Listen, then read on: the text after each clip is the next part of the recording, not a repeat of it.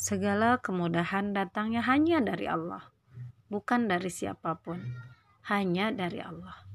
Ini adalah sebuah kisah yang meneguhkan bahwa kemudahan hanya dari Allah.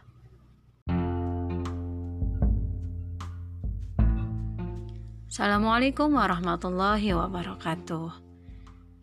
Halo Bunda Soleha, gimana kabarnya di bulan Ramadan? Semoga nanti 10 hari ke depan kita lebih baik daripada kemarin. Oh ya, untuk hari ini saya akan berkisah atau menceritakan kembali suatu kejadian nyata tentang kemudahan yang datangnya dari Allah. Ya, kita tahu sendiri di musim yang sekarang ini banyak kesulitan, banyak orang di PHK, banyak orang yang terlilit hutang karena cicilan dan banyak kesulitan-kesulitan yang lainnya. Namun, tahukah kita bahwa sebenarnya sejatinya ada Allah yang akan menyelesaikan masalah-masalah kita? Saya punya kisah tentang seorang ibu yang mendapatkan banyak kemudahan datang dari Allah karena kemudahan beliau dalam berdharma. Alkisah ada seorang ibu dengan satu anaknya eh, dan dia adalah seorang single parents selama ini dia membiayai anaknya sendiri. Dan dia ketika itu punya hutang sekitar 30 juta rupiah. Dan beberapa waktu yang lalu kami sebagai pengurus pesantren memang mengulirkan satu program yaitu program wakaf, wakaf tanah untuk pesantren. Dan saat kami gulirkan program wakaf itu, ibu ini ingin sekali, ingin sekali ingin turut serta dalam wakaf. Padahal di tangannya tidak tidak pegang uang gitu. Di rekeningnya tidak ada cukup uang.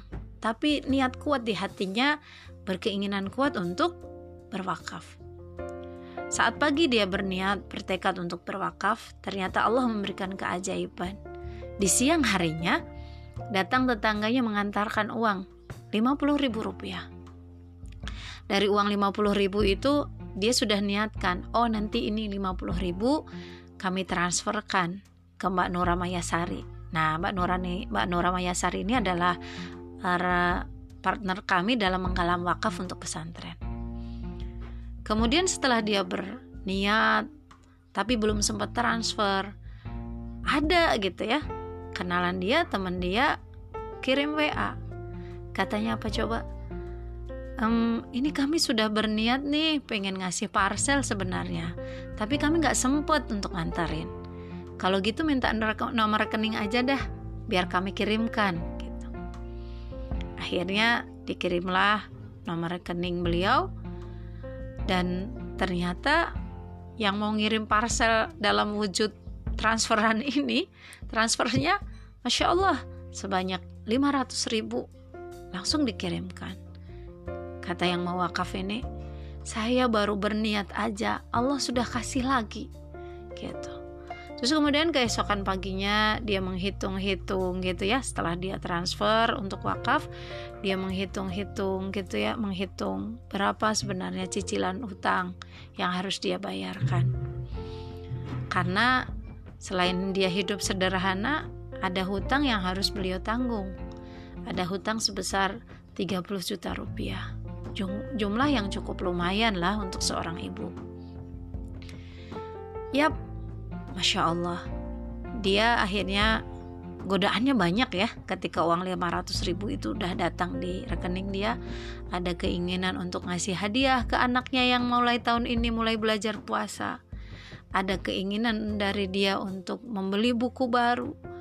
Tapi godaan-godaan itu akhirnya ditepis dia hubungi saudaranya yang punya hutang karena hutangnya bukan hutang dengan bank ya, bukan hutang riba, hutang dengan saudara. Dia hubungi saudaranya, dia minta nomor rekening saudaranya itu. Uh, dia berkeinginan untuk mencicil hutang. Lalu apa kemudahan dari Allah selanjutnya? Ternyata saudaranya itu bilang bahwa uh, sudahlah hutangnya kami anggap lunas, gak usah dibayar lagi Masya Allah ibu ini langsung bersujud syukur Bersujud Bersyukur kepada Allah bahwa hari itu juga ternyata Allah kasih lunas hutang Kemudahan hanya datang dari Allah Masya Allah Nah, hikmahnya apa? Kawan-kawan semua, Bunda Solihah, bisa jadi saat ini kita dalam kondisi sulit, tapi jangan sampai dengan kesulitan kita, dengan masalah-masalah kita itu membuat niat baik kita terkubur dalam-dalam. Itu membuat kita menafikan bahwa Allah masih punya banyak cara, banyak jalan untuk memberikan kemudahan kepada kita.